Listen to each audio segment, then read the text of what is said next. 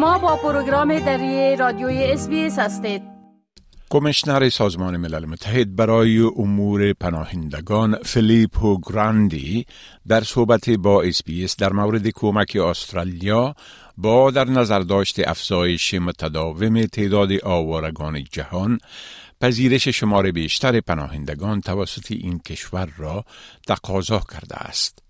این مصاحبه گسترده در جریان سفر تاریخی اخیر آقای گراندی به استرالیا که اولین سفر یک رئیس کمیشنری عالی پناهندگان سازمان ملل متحد در بیش از یک دهه بود انجام شد. فیلیپو گراندی مردی است که کار بزرگی در پیش دارد. کمیشنری عالی ملل متحد در امور پناهندگان در حال بررسی رسیدگی کردن به جا شدنهای به سابقه مردم در بخش های مختلف جهان در اثر تشدید جنگ ها است. از جمله این جنگ و درگیری ها درباره جنگی اوکراین و پناهندگان آن کشور صحبت شد.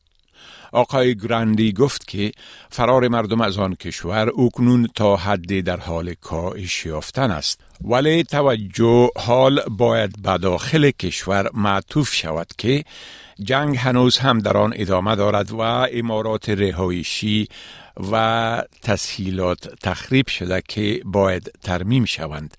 ولی این کار با استقرار صلح انجام شده می تواند که هنوز دورنمای آن به نظر نمی رسد It's been a bit over a year since we last spoke, and that was at the Medica border crossing in, in Poland. Uh, you gave an impassioned plea then for the war to end. Where do we stand now? The refugee outflow that we witnessed, that outflow out of the country has largely subsided. I think that the focus now, the most, the more unbearable part, is inside Ukraine, where the conflict unfortunately has not ceased. I think it's a more complex forecast. I was there just recently, witnessed the devastation brought by Russian shelling and where civilian infrastructure was destroyed. Kindergarten were flattened. People were deprived of electricity and water. This is still unbearable, unfortunately. I have to say it again. And we don't see an end to that.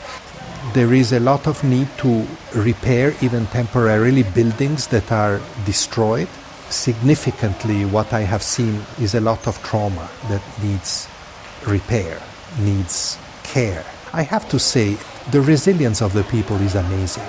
That resilience is indispensable, is the foundation already of peace and reconstruction. But peace needs to come for this to become possible. And uh, unfortunately, we have not seen progress in that respect. آقای گراندی واکنش استرالیا به اوکراین را ستود اما به حکومت این کشور و جامعه جهانی هشدار داد که کشورهای جنگ زده دیگر از جمله افغانستان را فراموش نکنند. آقای گراندی می‌گوید که وضعیت در میانما تحت کنترل حکومت نظامی و همچنان بحران پناهندگان روهینگا در بنگلادش در حال بدتر شدن است. اما افغانستان در مقطع سخت قرار دارد. او می‌گوید که چیزی که در افغانستان دیده شده تمایلات بسیار منفی بوده و تصمیم های بد گرفته شده. زنان از تحصیل و در بعض موارد از کار منع شده که این می تواند رنج و درد مردم افغانستان را افزایش دهد.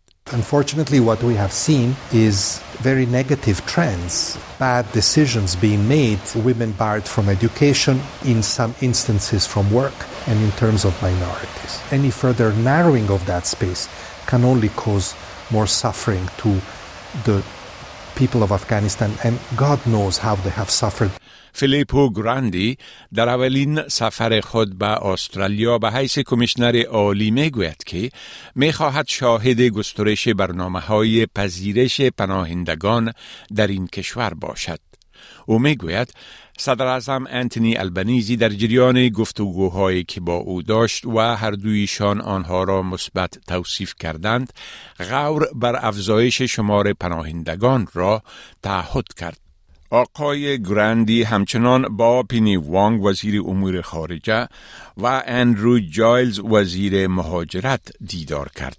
There is a, very important space of dialogue with the the Australian government that has opened up. Australia is a strong resettlement country. And of course, there are complex domestic issues as well, which for many years have been uh, the subject of difficult conversations between UNHCR and the Australian government. But I do believe as well that the time has come to reshape this dialogue in a positive way. The, the impression I drew, not only from meeting with him, but also with the foreign minister today, Minister Giles, um, is uh, of a government that is eager to have a positive conversation about refugee protection.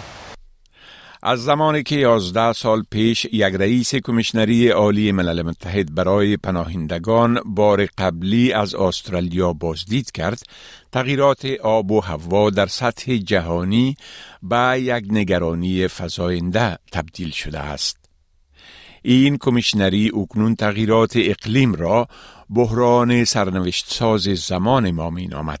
همین علت است که منطقه پسیفیک در همسایگی ما و بالا آمدن سطح آب ابهار به طور قاطع در دستور کار آقای گرندی قرار گرفته است. That is a phenomenon that will is already displacing people. As a country very much impacted by climate change. And in the region that is deeply impacted, I really count on Australia as being a strong advocate in this respect and help us make the case that this needs more attention, technically, financially, and politically. The concern is, of course, like I said, uh, linked to the rise of sea levels and what this will do to nations and to people living in those low lying areas. And many of the Pacific nations unfortunately are highly exposed to this risk. گزارش را که شنیدید با کمک عمر دهن از اس نیوز تهیه شده بود.